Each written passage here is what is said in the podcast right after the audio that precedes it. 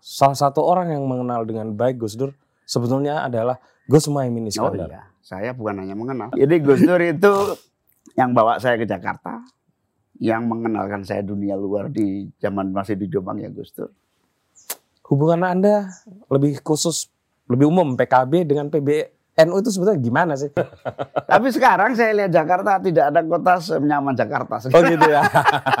Mungkin karena di sana ada istana negara.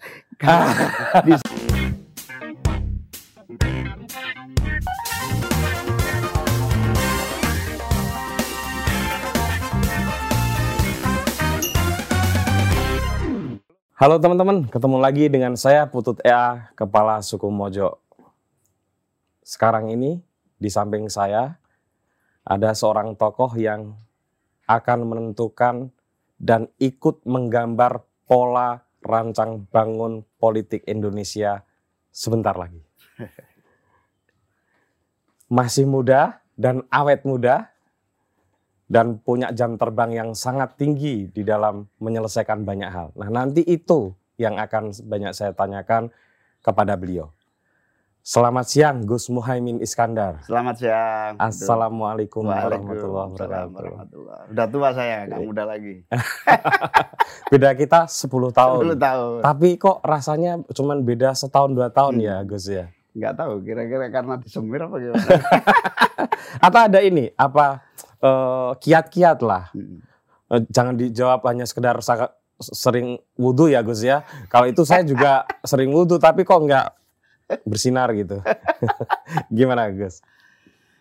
Saya nggak tahu ya, kok orang bilang saya muda, padahal tua banget saya. Hmm. Karena memang ya yang paling penting itu jalanin aja semuanya. Hmm. Dinikmati apa yang kita hadapi, kita ya seperti ibaratnya menjalani semua ini dengan penuh kesungguhan tapi dengan apa dengan santai Gitu ya.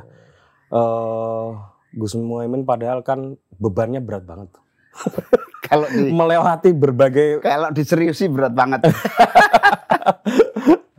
tapi eh, mulai diperhatikan oleh publik sejak 20 tahun yang lalu sampai sekarang ya wajahnya mirip-mirip aja beda-beda dikit lah. itu hanya bentuk-bentuk kacamatanya aja yang beda. Tapi apa sih Gus bener-bener nggak minum jamu atau ramuan apa begitu? oh ya enggak lah Enggak ya? Jalan aja Ya. biasa Sama berserah diri sama Allah begitu Nah, mungkin ya. tawakal tawakal, Tawakal.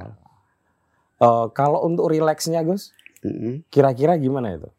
Menghadapi situasi yang tidak gampang, tapi Gus Muhaimin selalu bilang bahwa hadapi dengan rileks, ya santai. Apa itu? ya memang apa ya kira-kira hidup kita ini kan memang semuanya masalah pada dasarnya Hmm. kita ada di lahirkan besar tumbuh berkembang menghadapi tantangan menghadapi masalah menyelesaikan adaptasi dengan perkembangan yang dihadapi nah karena posisi di situ maka ya semuanya harus sudah menyiapkan diri dengan eh, apa ke ketawakalan pasrah tapi dengan dengan sungguh-sungguh begitu Gus, bagi banyak orang yang melihat Anda dari jauh, Mhm. seolah-olah Anda ini kan santai, rileks. Mohon maaf, banyak tertawa, terkesan cengenges-cengenges ya. Mohon maaf ya, Gus ya.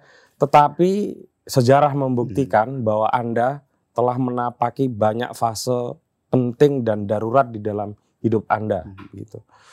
Nah, itu tentu tidak lepas pasti dari eh, siasah atau kemampuan Anda di dalam melakukan eh, penyelesaian masalah.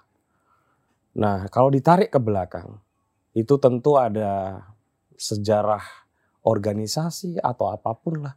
Nah, itu kalau Gus Muhaimin itu didapat dari mana ilmu itu? Ya saya termasuk orang yang harus bersyukur ya karena sejak lahir di lingkungan para pengelola organisasi kira-kira begitu. Hmm. Nah, di pesantren itu kan pada dasarnya hidup dalam 24 jam yang harus eh, mengelola keadaan secara eh, organisasi. Di sisi yang lain memang dari sononya memang kita ini kalau istilahnya itu ya eh, aktif gitu ya Hmm. orang tua aktif kakek aktif lingkungannya aktif eh, saling eh, mengabdi satu dengan yang lain Nah, posisi itulah yang melatih kita untuk benar-benar bisa menyelesaikan seluruh eh, tanggung jawab itu dengan eh, dengan yang menjalaninya sehari-hari begitu ya ya hidup dari kecil ya memang dilatih untuk untuk mengatasi semua eh, semua pengelolaan bersama-sama begitu Hmm. Konon Gus Muhaimin ini sempat lari dari rumah ya, bener nggak? Oh, sudah lupa saya ya Eh. usia muda kan usia remaja itu kan Hmm. ya mengalami masa-masa yang apa pancaroba, adaptasi, pencarian jati diri kira-kira gitu. Pasti dulu lari dari rumah, mencari teman baru, ingin dunia lain, Hmm. eh, ingin tidak monoton. Itu terjadi. Saya, saya jadi ingat waktu itu memang ketika hampir selesai sanawiyah atau SMP. SMP ya, Hmm. sudah mulai itu, melarikan diri. ya. eh, mulai ada ketidakpuasan dengan lingkungan yang monoton yang Hmm. yang saya melihat kok eh, berubah ber- ber- berbeda dengan perubahan yang di luar sana Hmm. satu itu yang kedua eh, memang ada keinginan untuk mencari hal-hal baru yang yang mungkin lebih baik begitu terus akhirnya ya nah, termasuk ketika saya aliyah aliyah belum selesai baru baru setahun di hampir setahun ya. Tapi sebelum itu sebelum itu saya tidak mau sekolah di lingkungan pesantren tempat kita sendiri. Oke. itu saya sudah nggak mau. Berarti eh, sekolahnya sanawiyahnya di luar lingkungan pesantren. Aliyahnya Alianya, alianya kan Anda sanawiyahnya di rumah sendiri. Iya. Nah di situ saya nggak puas, saya ingin sekolah di luar lingkungan itu. Dan itu Tapi- kalau nggak salah Man Jogja kan? ya Man satu Jogja ya? eh, sebelum Man Jogja saya sudah protes sama orang tua, pokoknya saya nggak mau. Tapi orang tua nggak nggak nggak ngizinin lah gitu ya. Hmm. Akhirnya saya berontak di sekolah beberapa bulan terakhir gitu. Eh, mogok sekolah lah, gitu. Weh. mogok sekolah. Apalagi Banteng kursi katanya. Hmm, apalagi dulu bukan hanya banting kursi, dulu di sekolah yang kita punya itu kan sering kali kekurangan guru ya. Ah. Jadi eh, istilahnya dulu itu kosong. jam kosong. Jam kosong. Jam kosong itu karena guru harus ngajar di kelas lain sehingga kita di, di Dibiarkan? biarkan, dilepas gitu. Nah, kita protes. Nah, saya organisir anak-anak itu nanti kalau kosong kita tumpuk aja kursi ini sampai kira-kira guru penggantinya nggak bisa masuk gitu. kira-kira.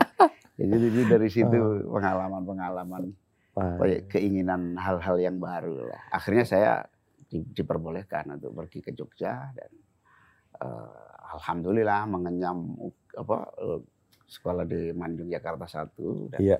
Ya bersyukur juga karena di situ akhirnya bisa kuliah di sini juga. Iya. Eh, Gus Muhaimin kenapa waktu itu biasanya, mohon maaf, kalau dari kalangan pesantren, terutama dari Jawa Timur dan Madura, itu kalau susu- sudah lulus alia kan ke IAIN. Hmm. Kenapa Anda memilih UGM? Saya IAIN juga. Oh, double ya? Double. Oh, Jadi baru saya tahu ini. Begitu Oh. lulus ngambil IAIN, ngambil UGM. Kita jalankan sampai dua tahun. Oh, dua tahun yang di IAIN. Dua ya? tahun IAIN bareng, tapi lama-lama karena saya sibuk di organisasi gitu. Iya. Di PMI waktu itu akhirnya kehabisan waktu. Karena kehabisan waktu saya harus mengakhiri memilih gitu ya. Memilih dan akhirnya memilih yang di UGM.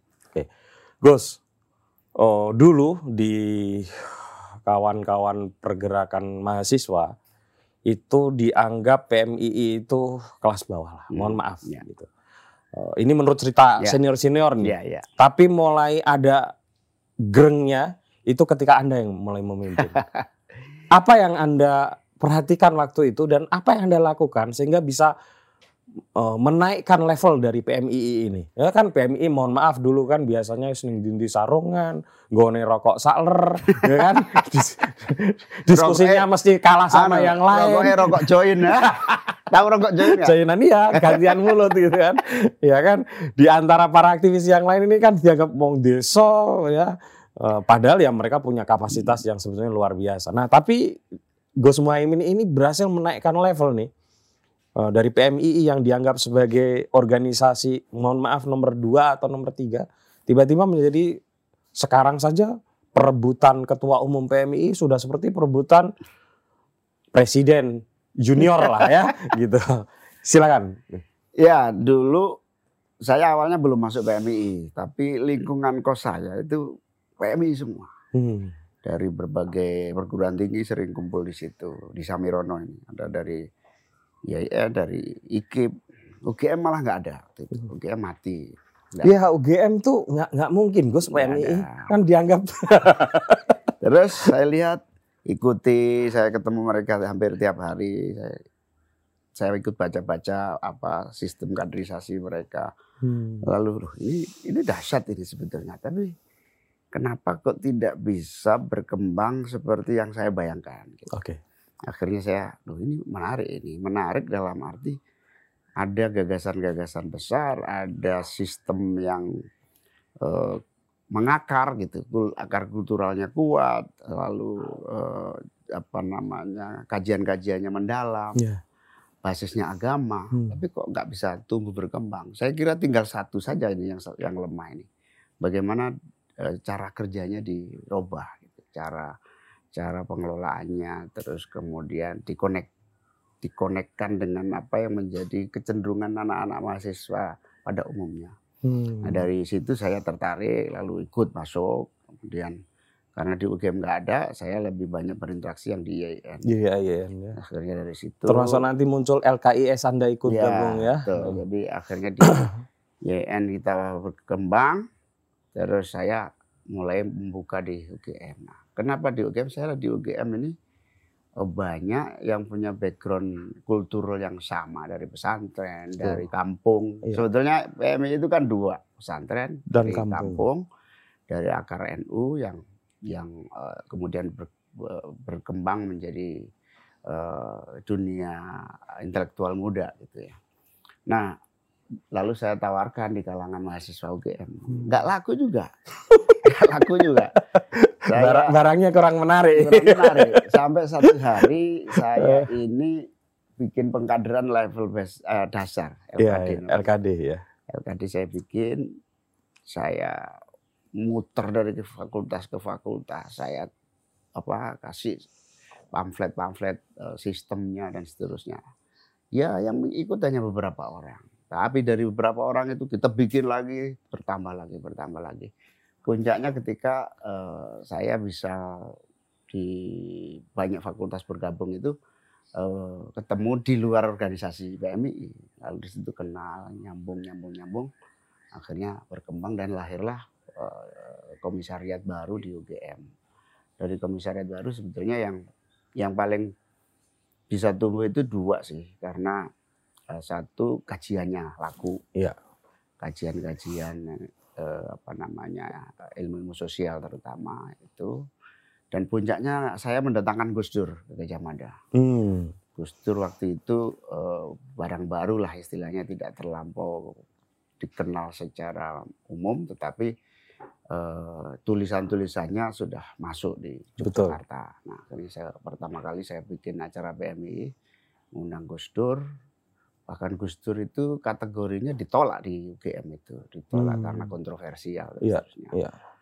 nah uh, yang menolak kedatangan Gus Dur itu salah satu teman saya Priyo Budi Santoso itu itu yang akhirnya jadi teman yang akhirnya sama-sama di Senayan iya iya iya ya. Terus, tapi lewat yang satu lewat jalur Gulkar HMI ya, ya kalau nggak salah ya? Gulkar HMI terus di situ mulai tumbuh PMI yang kemudian yang kedua model-model rekrutmennya tidak menutun uh, uh, gagasan, tapi juga ada semacam titik temu uh, komunikasi, misalnya kegiatan-kegiatan yang tidak sepenuhnya ideologis. Gitu. Ya. Karena di kalangan sebagian besar mahasiswa juga masih alergi dengan ideologi gitu. Di, ke NU-nya, ya, uh, uh, apa namanya ideologi NU itu belum diterima dengan baik. Hmm. hmm. Akhirnya kita pola dengan uh, cara berpikir yang kita uh, tawarkan kepada teman-teman, cara berpikir yang empiris uh, dengan melihat fakta tapi dengan background teori. Nah, orang mulai oh iya ya ternyata ada tumbuh potensi-potensi yang bisa dikembangkan bareng-bareng. Nah, di situ mulai laku. Dan Karena itu, laku, tumbuh hmm. besar di UGM mulai banyak yang ikut. Lalu di Jogja ini rame jadinya PMI. Kemudian dari Dan, situ saya terpilih jadi ketua cabang. Padahal ketua cabang Jogja itu di atas saya itu ya selisih 10 tahun.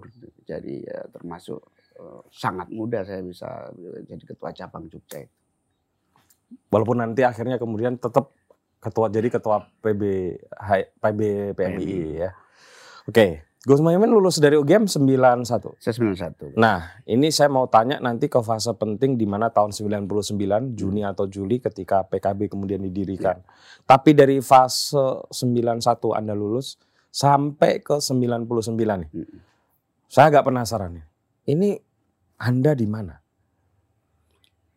91 saya masih di Jogja masih ngurus PMI jadi ketua cabang lalu uh, mulai berinteraksi Jakarta sering ke Jakarta ketemu Gus Dur. Berarti kerja-kerja politik ya, ya sudah kerja-kerja hmm. politik mulai ke Jakarta balik lagi Jogja terus terakhir sama, sama Gus Dur bilang udah kamu nggak usah balik Jogja sini bantuin saya itu sekitar 93 gitu ya 93 tapi saya masih ke Jogja separuh hidup di Jogja, separuh di Jakarta 93, nah 94 saya full di Jakarta.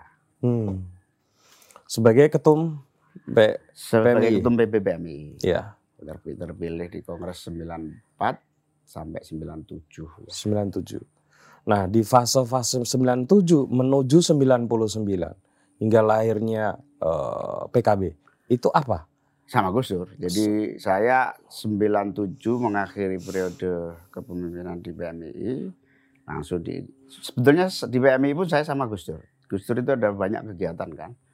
Mulai dari uh, dulu kita mendirikan uh, lembaga opini publik LPU namanya. Hmm. LPU itu kalau sekarang ya lembaga survei. Survei lah, iya iya. Cuman nggak pakai kuantitatif ya. Dan nggak pakai kuantitatif dan konsumennya bukan publik. Oh, okay. Konsumennya hanya beberapa tokoh. Oke, okay, opinion leaders lah kalau zaman sekarang ya. Terus ya. Gus, Gus Dur punya uh, konsep butuh disuplai data-data, kemudian uh, perkembangan isu dan informasi Nah, kita bekerja di situ untuk kira-kira sekitar tidak lebih dari 15 tokoh ya yang yang kita suplai hmm. uh, data itu. Di LPU itulah saya mulai 94 menetap di Jakarta uh, sampai ya sudah sampai mendirikan PKB 98 itu. Jadi basic Anda itu sebetulnya bukan hanya seorang organisatoris, tapi sebenarnya juga seorang intelektual, Gus ya. Malah saya sebetulnya pernah jadi wartawan setahun. Iya, ya, detik kalau nggak salah ya. Awal-awal sembilan berapa itu. Detik itu di Bredel 91 kalau nggak salah ya. Iya, sembilan. Eh belum, sebelum di Bredel saya itu aktif itu. Iya, mungkin masih mahasiswa ya? Bukan, bukan. Saya sudah sudah sudah di Jakarta. Saya okay. sempat sampai karir di detik itu sampai setelah wartawan akhirnya saya menjadi kepala litbangnya juga. Hmm. Kepala litbang. Mungkin saya bisa dikoreksi kalau nggak salah 9 mungkin 94 detik di Jepang. 94, ya. 94 detik didirikan setahun berikutnya di Bredel. Ya. 95 berarti di Bredel. Nah, wah di sana juga banyak orang-orang hebat ya. ya. Betul. Sebetulnya ikut merintis saya jadi diskusi-diskusi sama Mas Eros, Mas Eros. banyak pihak akhirnya menemukanlah formula yang dulu aneh tabloid ya. tabloid detik itu di situ nah dari situ secara kegiatan full bersama Gus Dur saya mulai dari e, bersama-sama di NU kemudian dampingi Gus Dur di forum demokrasi kemudian sampai akhirnya mendirikan PKB sampai jadi presiden itu jadi tidak ada salahnya kalau orang bilang salah satu orang yang mengenal dengan baik Gus Dur sebetulnya adalah Gus Muhaimin oh Iskandar. Oh iya, saya bukan hanya mengenal, saya itu sejak SMP ya, sejak SMP Sanawiyah itu sudah sama Gus Dur itu banyak cerita lah kira-kira gitu. Hmm. interaksinya itu bukan sekedar keluarga tapi juga bukan sekedar guru. Gus Dur itu yang Gus Dur lah yang membawa pertama kali bola yang terbuat dari kulit. Dulu di kampung kami itu kan Iya, bola itu dari plastik. plastik. Ya, kalau pesantren kadang malah gombal, Gus. Eh, dari plastik itu. Nah Gus Dur lah pulang dari Jakarta membawa pertama kali. Kita tahu itu bola Kulit dia. kulit itu ya dari Gus Dur. Ah. oleh-oleh dari Gus Dur. Dan kita dilatih main sepak bola. Itu SMP cukup lama berinteraksi. Dan saya tidak tahu kalau Gus Dur itu orang sudah terkenal gitu. Tulisan-tulisannya sudah Oh, iya, eh, di mana-mana. Kita tahunya Gus Dur guru malah tahunya Gus Dur itu eh, pelatih sepak bola gitu nah setelah kita di Jogja baru mulai oh Gus Dur ini ternyata bukan sekedar guru Hmm. nah interaksinya di situ nah jadi kalau soal mengenal Gus Dur saya sangat mengenal Sangat dan mengenal. saya ada di Jakarta karena dipanggil Gus Dur Ikut belasan tahun sama belasan beliau. tahun sama Gus Dur bahkan Gus Dur itu kalau ke Jogja selalu saya yang dihubungi dulu untuk untuk menyiapkan acara, me- menyiapkan kegiatan-kegiatan sampai akhirnya ke Jak- saya itu paling benci Jakarta. Setiap ke Jakarta saya saya tidak akan ke sini lagi karena macetnya betapa. Waduh, sama. Kalau saya malah sampai sekarang. saya itu lihat Jakarta itu kayak wah monster lah, nggak akan ke sini lagi saya. Iya. setiap ke Jakarta saya nggak akan ke sini, tapi malah ke situ Wah. lagi tapi sekarang saya lihat Jakarta tidak ada kota senyaman Jakarta Oh gitu ya. Mungkin karena di sana ada istana negara. di sana itu 24 jam butuh apa aja ada Oh, Oke. Oh, di sini juga ada Gus. Cuman di sini nggak ada istana negara, Gus. jadi Gus Dur itu yang bawa saya ke Jakarta yang mengenalkan saya dunia luar di zaman masih di Jombang ya Gus Dur sampai eh, kita kawal beliau sampai sukses jadi presiden Sekarang saya mau menanyakan satu riwayat yang penting di dalam eh, karir politik Gus Muhaimin. Iya. Yaitu ketika PKB berdiri. Iya. Anda memang benar yang jadi pertama sekjennya. ya saya jadi Di usia 32 tahun. di usia 30 Saya belum menikah usia itu, Gus. Anda sudah memimpin partai yang masuk lima besar. Bisa Anda ceritakan, Gus, itu detik-detiknya, dinamikanya seperti apa? Jadi saya ini kan orang yang nggak mengenal politik dalam artian praktis ya. Saya bekerja dengan Gus Dur dan Gus Dur juga tidak tidak menyukai partai waktu itu. Hmm. Kita juga sama-sama anti mapan gitu lah, anti pemerintah, kemudian anti partai politik gitu. Ya PBNU kalau nggak salah waktu itu sudah menggodok partai baru tapi ada ini ya dispute ya Iya. antar kalangan ya. Betul, Termasuk Gus Dur dan rekan-rekan yang menolak ya. betul. Jadi bahkan Gus Dur itu awalnya menolak pendirian partai ini. Nggih, nggih, nggih. menolak. Kemudian kita termasuk barisan yang menolak juga. Ngapain bikin partai ntar segala macam. Nah, tapi kemudian desakan itu kuat dari bawah.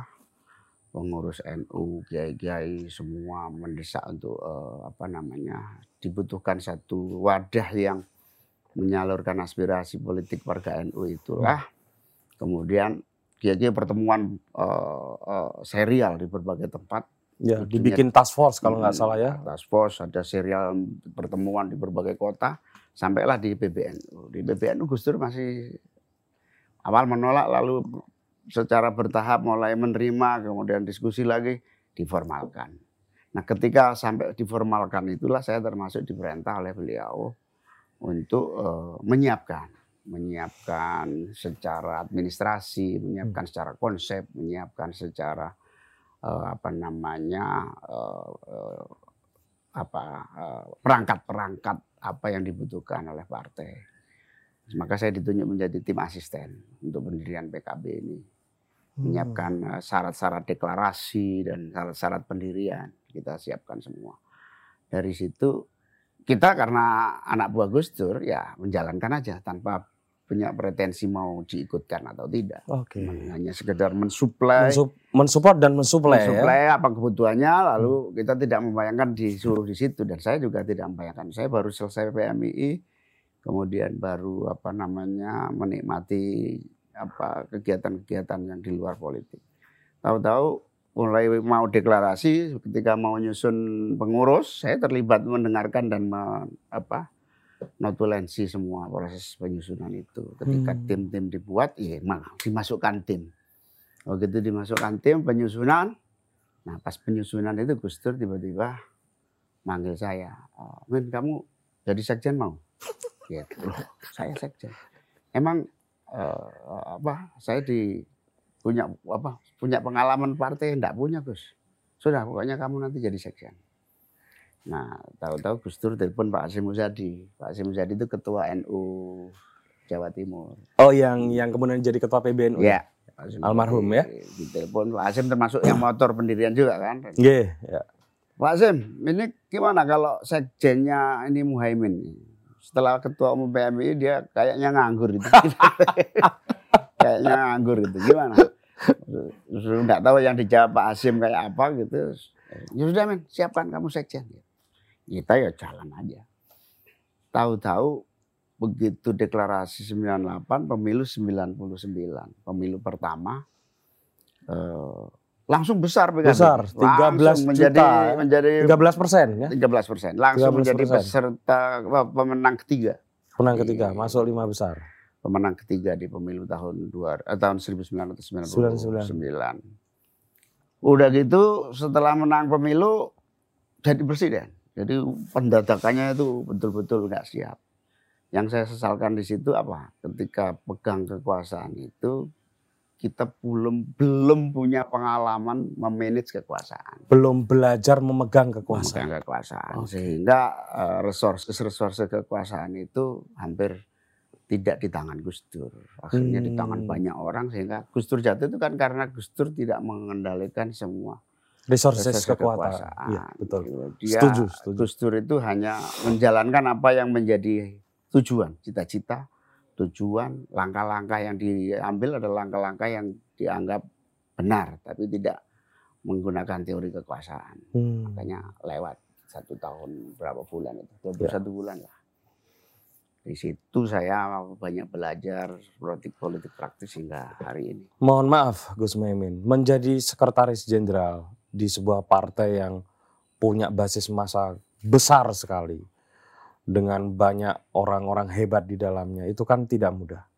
Anda masih muda sekali usia Anda waktu itu. Sangat mudah. Iya, apa yang resep Anda ya bisa berkomunikasi, berinteraksi dan kemudian menjaring seluruh resources yang ada di PKB saat itu. Tidak mudah. Wow, kesalahpahamannya dahsyat sekali. Eh, Gus Dur istilahnya mempercepat regenerasi itu. Sehingga usia yang ada di dalam pengurus PKB itu mulai dari yang usia 30-an sampai yang 80-an. Jadi lengkap di sini. Di situ komunikasi antara yang muda yang tua itu eh, sesuatu yang tidak mudah. Dan untungnya Gus Dur memang orang hebat, luar biasa. Gus Dur lah yang membuka jalan kaum muda bisa berkiprah. Ya. Yang namanya kaum muda bisa berperan itu kalau nggak di backup oleh Gus Dur pasti yang tua-tua pasti nggak terima. Mungkin seperti itu yang saya ingin lakukan kemudian ya, sehingga di Anda dikelilingi oleh banyak sekali anak muda. itu itu kelanjutan dari Oke. semua eh, misi dan apa namanya eh, target-target Gus Dur. Ya. Saya nggak sadar, saya menjalankan aja semua. Ada yang salah paham, ada yang marah, ada yang cinta, ada yang dalam proses lima tahun Hmm. eh, dialog antar antar generasi Hmm. di dalam manajemen politik, dialog antar generasi terjadi. Dimarahin yang sepuh, di wah, ini pelajaran yang luar biasa. Apalagi di NU tuh. Iya. Saya bisa bayangin. Itu. Kalau dimarahin kan mau bantah gimana ya kan? itu pengalaman yang luar biasa. Tapi sekali lagi karena saya di backup oleh Gus Dur, diberi ruang yang luas untuk membuat apa saja, Hmm. dibebaskan untuk membuat apa saja. Makanya kemudian eh, proses pendewasaan itu terjadi. Makanya eh, dua yang paling eh, penting dari Gus Dur itu adalah beliau memberikan kepercayaan itu yang paling penting. Yang kedua, beliau juga bisa eh, memberi guidance arah yang dituju. Hmm. Jadi eh, dua ini yang membuat eh, kita berhasil menjalankan organisasi yang yang tidak mudah, dialog antara kaum tua muda, dialektika kepentingan Ya.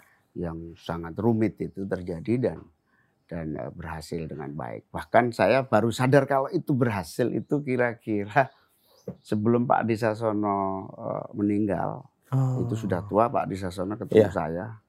Saya dulu sama Gus Dur berseberangan terus min Pak Disasono.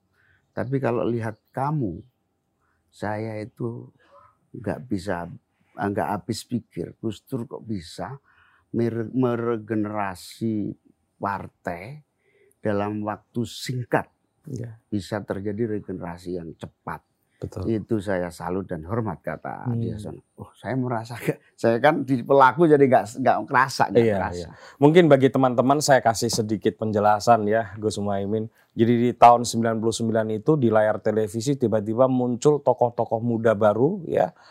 Eh, ada Gus Muhaimin, ada Gus Ipul, Bu Khofifah Indar. Parawansa, Pak Ali Maskur Musa, banyak sekali dan itu usianya masih rata-rata 30 lebih sedikit lah.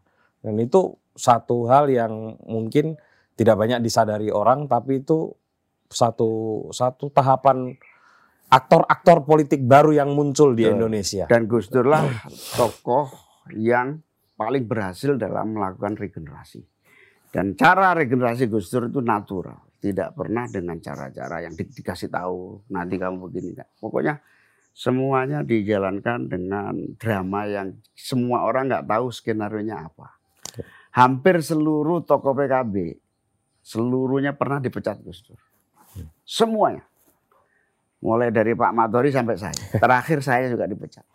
Tapi apa? Termasuk Pak Hasim Muzadi. Semua. Tapi hampir semua yang dipecat itu akhirnya punya kesempatan untuk di eh, berperan lebih lagi. Ya. Sampai bukan hanya di PKB, di pemerintahan juga gitu. Betul. Pak Yusuf Kala dipecat jadi wapres. Pak Hamzah Has dipecat jadi wapres. Hmm. Jadi Pak SBY kan pernah ya kayak Pak SBY dipecat jadi presiden. presiden. Itu di luar. Tapi di dalam internal ini orang yang pernah dipecat Gus Dur lah yang akhirnya memimpin eh, perkembangan gantian. Mungkin filosofi Gus Dur itu memecat adalah cara menaikkan level orang. Baik, Gus Maimin, saya lompat lagi ya. Eh, saya tidak mau menyoroti lebih detail yang soal dari mulai 99 itu 13 persen lebih ya eh, suara dapat. Tahun 2004 turun Turun. menjadi 9, hampir 10 persen suara PKB. Lalu yang lebih menyedihkan lagi 2009 yaitu tidak nyampe 5 persen. Iya. Itu Iya, nggak sampai. itu saya kira semua orang bisa membacanya Iya. ya kira-kira apa yang terjadi. Nah tapi yang pengen kami ini anak-anak muda terutama adik-adik ini gimana nih Kia Caimin membawa dari 5 persen perlahan naik ya. 2009 kurang dari 5 persen, 2014 mulai naik luar biasa hampir dua kali lipat 9, sekian persen ya. Terus kemudian yang kemarin 10 ya. Ya. 10, hampir 11 persen. Dalam situasi yang tidak mudah. Apa yang Anda lakukan untuk membawa KPKB menjadi salah satu partai politik yang mendapatkan bukan hanya banyak suara, tapi juga diperhitungkan oleh banyak sekali para intelektual dan elit politik di Indonesia. Ya, pertama tentu pengalaman saya selama eh, periode itu, periode kritis ya. Itu kalau bahasa Jawanya itu eh, ngumpul no balung yang Pisah. pisah, yang berserakan. Hmm. Itu menjadi modal awal. Pokoknya semua yang punya hubungan dan keterkaitan harus kembali. Bahkan akhirnya saya berhasil yang pernah mendirikan partai, yang pernah keluar partai, yang pernah kecewa, yang pernah apa namanya merasa ditinggal, akhirnya kita kumpul semua, kita rajut kembali, kita beri ruang seluas-luasnya, bahkan eh, menjadi bagian dari pemegang eh, policy bersama-sama. Artinya cara demokrasi lah yang paling tepat kita lakukan. Semua merasa terlibat, semua merasa ikut menentukan, semua merasa ikut mengambil keputusan. Itu uh, langkah awal yang yang kita lakukan. Hmm. Sehingga hampir uh, periode pasca krisis itu itu semua yang pernah berada di mana-mana itu kembali. Sebentar, Gus saya potong di periode krisis itu, bukankah Anda kehilangan satu banyak teman, hmm. dua tekanan sosial dan politik yang kuat, yes. dan yang ketiga tentu saja mengalami defisit uh, resources, ya. mungkin finansial dan atau yang lain. Bahkan Gimana? kekurangan orang. Bahkan kekurangan. Bahkan orang. kekurangan orang. Hampir semua nggak mau ikut awalnya. Karena bagaimana? Kan ada kesalahpahaman besar seolah-olah kita ini memusuhi Gus Dur atau me, me, me, apa, memisahkan diri dari Gus Dur. Jadi awalnya sama seperti yang lain, tiba-tiba saya diberhentikan. Nah saya diberhentikan oleh Gus Dur itu saya menyatakan diri nggak kuat kalau saya uh, kemudian nggak taat. Makanya saya menyatakan diri saya terima. Saya lebih baik ikut skenario skenario Gus Dur daripada menggunakan skenario orang-orang yang lain. Orang-orang yang lain itu hampir semua yang dipecat Gus Dur itu akhirnya melawan. Melawan. Melawan. Saya Anda sami nawatona ya? ya? Begitu suatu hari rapat DPP, satu hari rapat DPP lengkap, semua datang. Saya heran, kok baru hari ini ada rapat sangat lengkap. Biasanya pada nggak sebanyak ini. Eh, saya baru tahu ternyata rencananya hari itu adalah pemberhentian saya sebagai ketua umum. Kenapa lengkap? Karena dikhawatirkan nanti kalau saya menolak pemberhentian itu maka akan dilakukan voting. Hmm. Bahkan saya tidak tahu sendiri, saya tidak tahu kalau ada skenario itu. Ida Fauzia yang dianggap orang saya itu, ya. begitu masuk ruang rapat langsung didatangin oleh uh, Ali Maskur. Ali Maskur itu uh, uh, menyatakan, dah kamu nggak usah rapat. Kamu itu sudah diberhentikan lama, tapi kamu nggak paham-paham.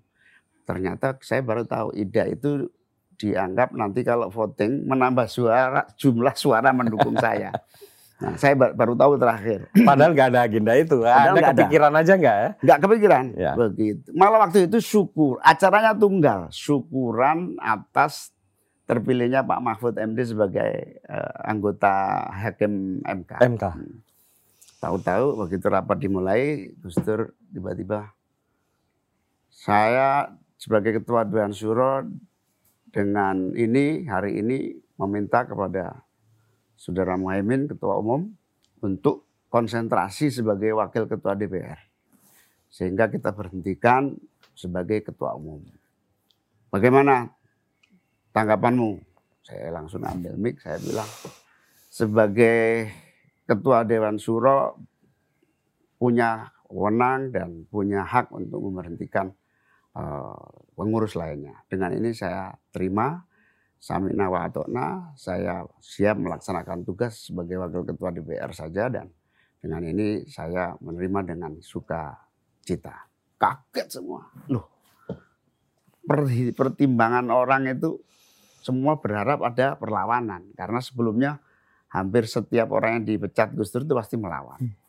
Nah, set selesai ditutup, malam-malam saya ditelepon oleh orang yang sangat dekat dengan Gus Dur setiap hari sama Gus Dur. Mas, besok jam 6 dipanggil Bapak Ciganjur. Bapak heran, kenapa kok Muhammad terima? Padahal yang saya tahu Muhammad pasti nolak dan hmm. pasti melawan. Bapak heran itu. Pagi-pagi saya sowan, Gus Dur cuma nanya, Min, nggak apa-apa ya kamu? Nggak apa-apa Gus. Ayo wes, apik ngono wes. Mau konsentrasi di PR ya. Ya siap. Sore ada rapat Ketua Dewan Suro beserta seluruh anggota Dewan Suro untuk menyiapkan muktamar penggantian saya. Nah di situ eh, di rapat Dewan Suro itu udah geger persiapan cari pengganti dan persiapan cari pengganti ketua umum dan panitia. Apa yang terjadi di rapat itu Gus Dur malah saya minta ketua muktamar pelaksana tugas ketua umum Muhaimin. Kan heran, saya dipecat tapi dijadikan ketua, ketua muktamar sekaligus ketua pelaksana harian. Hmm. Ini apa lagi? Anda juga kaget. Ya? Saya ya kaget sekali. Saya dikasih tahu. Iki apa? Dikasih tahu jam 11 malam katanya saya ditunjuk Uh, jadi itu. Nah, walhasil akhirnya uh, saya uh, dua tiga hari berikutnya terjadilah apa yang disebut sebagai keputusan itu tidak jadi dilaksanakan. Saya terima. Jadi selama satu tahun kepemimpinan PKB diambil alih oleh Ali Maskur sebagai wakil ketua umum.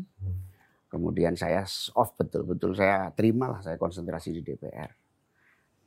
Nah setelah satu tahun itulah uh, mulai uh, guncang. Nah di, setelah guncang itu saya dipanggil Rois Am BBNU. Kamu tidak boleh diam. Kamu sebagai ketua umum yang masih uh, belum diganti oleh Mutamar, kamu harus mulai aktif lagi. Nah dari situ saya dipanggil oleh Rois Am disuruh masuk lagi sebagai ketua umum. Kemudian malah Gus Dur manggil saya Min ini sudah kacau ini konfliknya. Kamu mundur aja dari ketua umum tertulis. Oke Gus saya mundur. Kedua kalinya kedua berarti kalinya. Anda mau?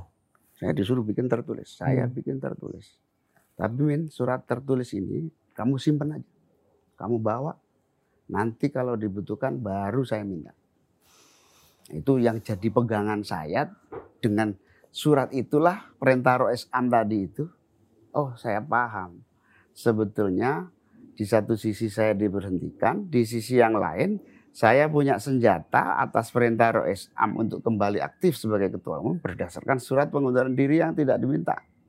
Berarti hmm. saya belum dipecat. Belum, belum dipecat, ya. Saya belum dipecat dong ada. Karena suratnya Anda pegang, pegang. tidak dipublikasi. Oh, nyambung ini ya. Sudahlah, akhirnya okay. saya ngantor lagi sebagai ketua umum mengendalikan keadaan karena kacau waktu itu kacau sekali karena ada eh, faktor-faktor uh, eksternal yang mengambil alih lah. Iya, iya. Ya, ya, susah diceritakan. Iya, iya. Walaupun saya ya tahu-tahu dikit lah. Tapi susah. itu bukan bab kita untuk ngobrol Bukan bab itu. kita. Tapi iya. intinya yang ingin saya sampaikan pada sampean itu Gus Durlah yang mampu melakukan regenerasi cepat di lingkungan politik NU dengan tanpa memberitahu bahwa kalian sedang saya latih, kalian sedang saya didik, kalian harus kuat dan seterusnya. Akhirnya saya tahu di ujung-ujung kalau saya eh, nggak uh, ikutin skenario ini mungkin saya nggak kuat. Hmm. Berat sekali konfliknya itu. Iya.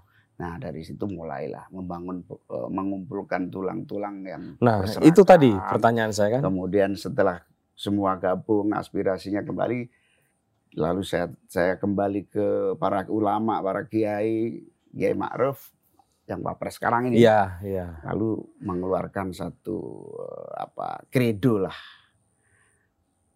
Ar-rujuk ilar rujuk sumar rujuk. Itu yang yang akhirnya menjadi eh, password seluruh Indonesia.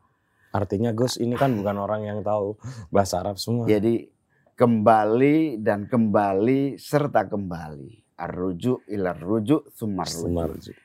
Kembali kepada kembali dan kemudian kembali. Apa itu tiga? Ar-rujuk. Ar-rujuk yang pertama kembali seluruh orang NU harus kembali ke PKB. Hmm. Kembali yang kedua seluruh orang PKB harus kembali ke cita-cita awal pendirian partai. Hmm. Yang ketiga ar-sumar rujuk kemudian semuanya kembali untuk membesarkan partai ini. Ya. Dari kredo Kiai Ma'ruf itulah semua bersatu, suara kembali dan alhamdulillah eh, potensi-potensi yang berserakan yang akhirnya dari awal yang saya seperti orang kena kusta, nggak ada yang mau ya, ya. cari orang nggak ada. Akhirnya semua kembali. Sekarang alhamdulillah tidak ada satupun uh, yang tidak kumpul di dalam konteks uh, grassrootsnya ya, grassrootsnya hmm. itu sehingga alhamdulillah uh, di situ dua ya, satu mengembalikan potensi dan uh, kekuatan yang berserakan, yang kedua uh, secara konsisten kepada, kembali kepada tujuan. Intinya itu dua itu. Ya. Kembali kepada tujuan berpartai itu untuk apa sih? Hmm. Karena dulu itu memang pendewasaan politik itu terjadi. Dulu itu saking demokratisnya, orang setiap hari bisa mendirikan partai. Ya, bahkan di NU banyak sekali. Banyak sekali. Jadi di NU itu sempat ada satu suasana tersinggung bikin sendiri. Iya, iya, iya. Bahkan kalau nggak salah PCNU Cirebon aja punya pakai partai sendiri. Betul. PCNU Cirebon itu malah perintis partai lain itu sendiri. Tapi akhirnya bergabung semua. Nah, itulah. Tapi tidak hanya PKB, berlaku di semua partai. Masa-masa itu adalah masa-masa se semua orang boleh dan berhak mendirikan partai. Dan merasa gampang bikin dan partai. merasa gampang bikin partai tapi diuji oleh uh, waktu. zaman, waktu uh, tantangan aspirasi harapan. Nah, alhamdulillah kita melampaui tahap itu. Dan sekali lagi yang paling pokok adalah tujuannya. Kembali kepada tujuan itulah yang kemudian bisa mengadopsi semua potensi yang ada. Oke. Gus Mohaimin, Anda telah lolos menapaki berbagai ujian politik di Indonesia dan itu tidak mudah di usia yang masih sangat muda dan sekarang pun belum belum masih muda juga baru 56 tahun. Uh, belakangan ini kemudian orang mulai menyuarakan terutama dari Sekjen PKB bilang di kertas suara harus ada nama Cak Imin. ya itu sebagai satu seruan propaganda menarik tentu saja. Saya tidak akan bertanya dulu soal uh, potensi Anda untuk bisa menerakan nama Anda di kotak suara. Tapi apa yang Anda janjikan atau pikiran apa yang mau Anda berikan jika Anda memimpin atau ikut bagian di dalam memimpin republik ini? Ya, sebetulnya kan jalan demokrasi yang kita pilih ini sudah tepat. Tetapi jalan demokrasi yang kita pilih ini harus terus didorong untuk uh, sampai pada uh, hakikat dari tujuan demokrasi itu sendiri. Hmm. Terutama spirit reformasi ya. ya. Cara kerja pembangunan, cara politik yang berbasis demokrasi itu hmm. itu yang harus terus menjadi uh, pijakan. Nah, dulu ketika kita mencita-citakan reformasi dan demokrasi itu kan paling tidak ada tiga ya. Yang pertama uh, orang yang paling bawah menikmati hasil pembangunan. Oke. Okay. Kalau zaman Orde Baru itu kira-kira Pak Harto kaya dulu baru yang yeah, bawah trickle down effect ya. Trickle down effect. Mm. Ternyata kan gagal, makanya mulai dari bawah, yeah. jangan dari atas. Mm. Nah, reformasi itu kan mulai dari bawah. Nah, yang ingin kita lakukan ke depan ini adalah secara konsisten kita menjadikan cara kerja pembangunan dari bawah ini sebagai uh, yang utama. Makanya anggaran, uh, perhatian, partisipasi itu dari bawah. Hmm. Dan di situlah uh, hakikat dari uh, demokrasi dan hakikat dari tujuan percepatan pembangunan itu di situ. Itu yang pokok. Makanya keterlibatan bawah ini uh, sejak Pak Jokowi ini bagus apalagi sejak uh, di dilaksanakannya undang-undang desa yeah. itu ada dana desa yang disalurkan ke bawah langsung digunakan dinikmati hmm. dijalankan oleh masyarakat di bawah itu hakikat yang pertama hakikat yang kedua kita bernegara ini kan ada kekuatan atau kekuasaan pemerintahan hmm. yang paling utama tugasnya adalah menjaga keadilan, keadilan hukum, kesamaan hak, eh, tidak ada diskriminasi. Itu itu yang harus ditegakkan sehingga negara tidak boleh lemah, negara harus kuat. Baik dari aspek hukum juga dalam uh, implementasi pembangunan ekonomi. Uh, apa itu? Ya bagaimana agar seluruh rakyat ini punya akses terhadap resources ekonomi. Ya. Itu. Seluruh rakyat harus mendapatkan hak hukum sama di depan hukum. Oke. Tidak hukum menjadi mahal. Orang-orang yang berproses dengan keterkaitan dengan hukum tidak mengalami diskriminasi dan uh, harga yang mahal. Itulah adanya negara. Ini yang kedua. Negara harus hadir istilah sekarang ya. Hmm. Negara harus hadir, pemerintah harus ada di dalam setiap masalah yang dihadapi rakyatnya. Apa gunanya bernegara kalau pemerintah tidak hadir? Ini prinsip yang kedua. Nah, prinsip yang yang ketiga eh, negara ini Indonesia yang kita cintai ini kaya raya. Kaya raya. Semua tahu sumber daya yang ada di tanah kita ini luar biasa. Uh, nah ini butuh pemerintahan negara yang benar-benar konsisten terhadap cita-cita Undang-Undang Dasar 45 yaitu pasal 33 bumi air kekayaan alam yang terkandung di dalamnya betul-betul harus dimanage dikelola tidak hanya dinikmati oleh sebagian ya. Bangsa kita segelintir orang ya tetap bisnis harus tumbuh dan berkembang tidak boleh diganggu hanya gara-gara keinginan keadilan tapi bisnis juga harus kompromi dengan kebutuhan untuk bahwa semua rakyat juga harus menikmati ini. Jangan Kalimantan yang sumber sumber batu bara tapi hanya mendapatkan limbah dari batu bara seterusnya dan seterusnya. Nah, tiga itulah kira-kira yang memotivasi PKB, memotivasi saya untuk terus bekerja agar uh, kita ikut menentukan. Dulu bersama Pak SBY ikut ikut terus menentukan, tapi ya dengan keterbatasan jumlah kekuatan yang kita miliki. Pak Jokowi hampir 10 tahun kita juga berusaha mewarnai itu. Nah, namanya kita harus berusaha lebih kuat lagi perannya yang melalui kepemimpinan, kepemimpinan nasional. Hmm. Uh, kalau nggak presiden ya wakil presiden itu semua hanya hanya salah satu cara efektif untuk Eh, minimal menjalankan tiga, tiga uh, tujuan yang harus kita raih dalam waktu dekat ini.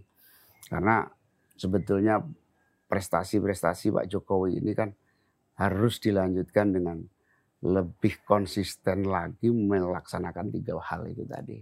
Dan harus lebih lebih percepatannya harus lebih. Percepatannya harus lebih tiga hal itu tadi. Jadi nanti kalau uh, ke bawah harus lebih terlibat lagi secara proaktif di dalam mensukseskan pembangunan.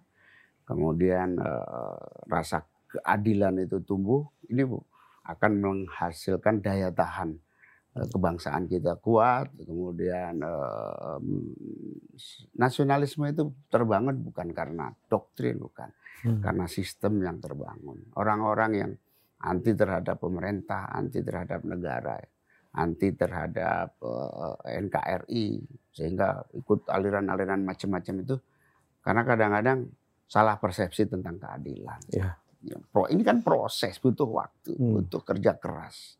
Kalau itu yang kedua. Nah, yang ketiga tentu saja kita punya pekerjaan rumah agar kekayaan ini benar-benar nikmat oleh seluruh rakyat Indonesia. Oke, Gus Mohaimin nanti kita setelah ini kan ada acara ya. sendiri ya soal desa. Saya nanti akan banyak bertanya kepada anda uh, soal apa peran strategisnya desa dan lain sebagainya, sehingga anda punya concern yang begitu besar terhadap ya. desa dan saya setuju soal itu. Tapi sebagai penutup, Gus, supaya orang yang selalu bilang bahwa ini sebaiknya pilpres adem ayem ya saya setuju. Sudah lama kita bertikai. Tapi ada satu hal yang masih terus menjadi tanda tanya publik. Hubungan anda lebih khusus lebih umum PKB dengan PBNU itu sebetulnya gimana sih? Ya sebetulnya nggak ada sesuatu yang baru ya. Tapi Gus Yahya ini mencoba merevitalisasi ya. Apa hmm. yang menjadi peran PBNU. Sebetulnya PBNU zaman Kiai Said Agil Sirat juga sama, terdiri dari berbagai partai. Ya. Eh, bahkan pengurusnya ada yang DPR PDIP, ada yang DPR Golkar, hmm. ada, ada banyak yang PKB juga. Nah, itu, artinya bukan monopoli PKB, PKB masih dari gitu. dulu. Nah, Tapi mohon maaf saya potong. Buk, sebetulnya ini, tolong saya diluruskan hmm. kalau keliru bukannya PKB itu dulu lahir atas inisiatif dari PBNU atau bagaimana sih sebetulnya ya. dulu? Jadi PKB ini lahir dari inisiatif para kiai-kiai. Oh, bukan para PBNU. Benar, para kiai-kiai, para aktivis NU di berbagai daerah lalu datang ke PBNU, PBNU gitu ya. Kemudian meminta PBNU untuk memfasilitasi. Kebetulan PBNU juga punya pikiran yang sama. Okay. Akan perlunya partai. Yeah. Lalu dibentuknya tim, ada tim lima, asisten tim lima, kemudian resmi bahkan menggunakan SK PBNU hmm. bahwa PKB ini dibidani, oh. diinisiasi oleh pengurus besar Nahdlatul Ulama dan it... oleh Rois Am dan Ketua Umum Tanfidiyah Kiai Ilyas Ruhyat dengan Kiai Haji Abdurrahman Wahid. Okay. Makanya itu sudah menjadi sejarah yang tidak uh, tidak bisa dibahas lagi. Artinya sejarah historis itu jelas, Jelas. PBNU itu uh, ada mandatori kepada Betul. PKB gitu ya. Oke, lanjut Nah. Tapi kemudian peta politik, tantangan, perkembangan, konteks era itu kan berbeda-beda. Makanya PBNU mengambil eh, jalan eh, apa lebih bisa berperan dan diterima oleh semua kalangan. Nah, Kiai Said juga sama waktu itu. Meskipun hubungan kita eh, sinergi. Hmm. Nah, Gus Yahya ingin lebih lanjut lagi. Tidak hanya sekedar menunjukkan NU itu eh, terdiri atau bisa diterima oleh semua kalangan, merevitalisasi lagi, lebih tegas lagi. NU harus bisa diterima semua kalangan, tidak hanya dimonopoli oleh PKB. Saya kira tidak ada masalah, kita Hmm. setuju. Bahkan ketika hmm, ketika Bu Mega eh, eh, apa tahu PKB mau didirikan, itu Bu Mega sempat bilang kepada Gus Dur, saya nggak setuju NU bikin partai. Hmm. Saya khawatir nanti kalau NU punya partai yang ngurusin umat siapa, gitu itu. Ya. Nah, eh, satu pola pikir yang benar, tapi kemudian harus diimplementasikan di lapangan. Nah, Gus Yahya mencoba mengimplementasikan dan saya setuju bahwa NU harus bisa diterima oleh seluruh kalangan, menjadi kekuatan berkat dari semua kekuatan bangsa. Nah, aspirasi politiknya warga NU, ulama-ulama NU, aktivis NU, aspirasi politiknya biar lihat PKB. NU biar yang ngurusin non politik. Oke. Itu itu ya itulah kira-kira. Ya. Sehingga nggak ada Sebenarnya nggak ada nggak ada apa-apa. perbedaan substansi. Ya. Cuman apa beda bahasa saja. Saya Beda setuju. bahasa dan mungkin eh, tidak tersampaikan kepada publik dengan jernih. Bukan hanya itu, ada biasalah namanya juga eh, apa pemimpin baru yang yang Gus Yahya kan eh, menunjukkan eksistensinya Oke. pemimpin baru. Saya kira mm, kita setuju dengan catatan dengan catatan partai-partai yang menjadi bagian dari eh, keinginan untuk seperti yang konsepnya yang dipersepsikan Bu Mega agar partai-partai itu juga tidak eh, memberatkan NU. Ya, partai-partai juga tidak boleh mempolitisir NU termasuk PKB kan. Oh. Itu setuju gitu. Oke, ya, ya. Ada semua sama. Ya, kalau bahasa sekarang cengli, cengli, Cengli. Eh, cengli. Terakhir sekali, Gus Muhaimin, karena Anda sudah ditunggu oleh banyak sekali kepala desa. Eh, kalau dihitung dari persentase, berapa yakin, berapa persentasenya Anda, nama Anda ada di dalam kolom entah itu presiden dan wakil presiden di kotak suara? Ya sebetulnya lebih cepat dari itu seorang presiden dan wakil presiden itu sudah ditetapkan oleh Tuhan. Oh, Nah, masalahnya kita nggak bisa nginceng. nggak bisa nginceng. Jadi saya jam 11 eh jam 12 ketemu Pak Mahfud. Karena saya dapat eh, kontak dari istana sudah PKB dan semua harus gabung untuk bersama-sama Pak Mahfud jam 12. Nah saya pisah dengan Pak Mahfud jam setengah satu. Saya mau finishing pasangan Pak Jokowi dan Pak Mahfud menuju istana. Sampai di istana sudah tidak bukan sudah bukan Pak Mahfud lagi Iya. calon wakil presiden. Iya. Itulah namanya takdir. Iya. Iya. Jadi yang dibungkus dengan yang hasil bungkusnya beda itu. bahkan di detik-detik terakhir. Ya, Ya. jadi Nggak, tapi soal persentase, kan presentasi boleh begitu. dong Kalau menggambar-gambar persentasenya gitu. saya kira tinggi karena eh, siapa yang mau maju butuh syarat 20 persen. Satu. Satu. Jadi nanti kalau ada partai yang tidak punya 20 persen pasti butuh PKB. Iya, PKB tinggi Tinggi. persentasenya.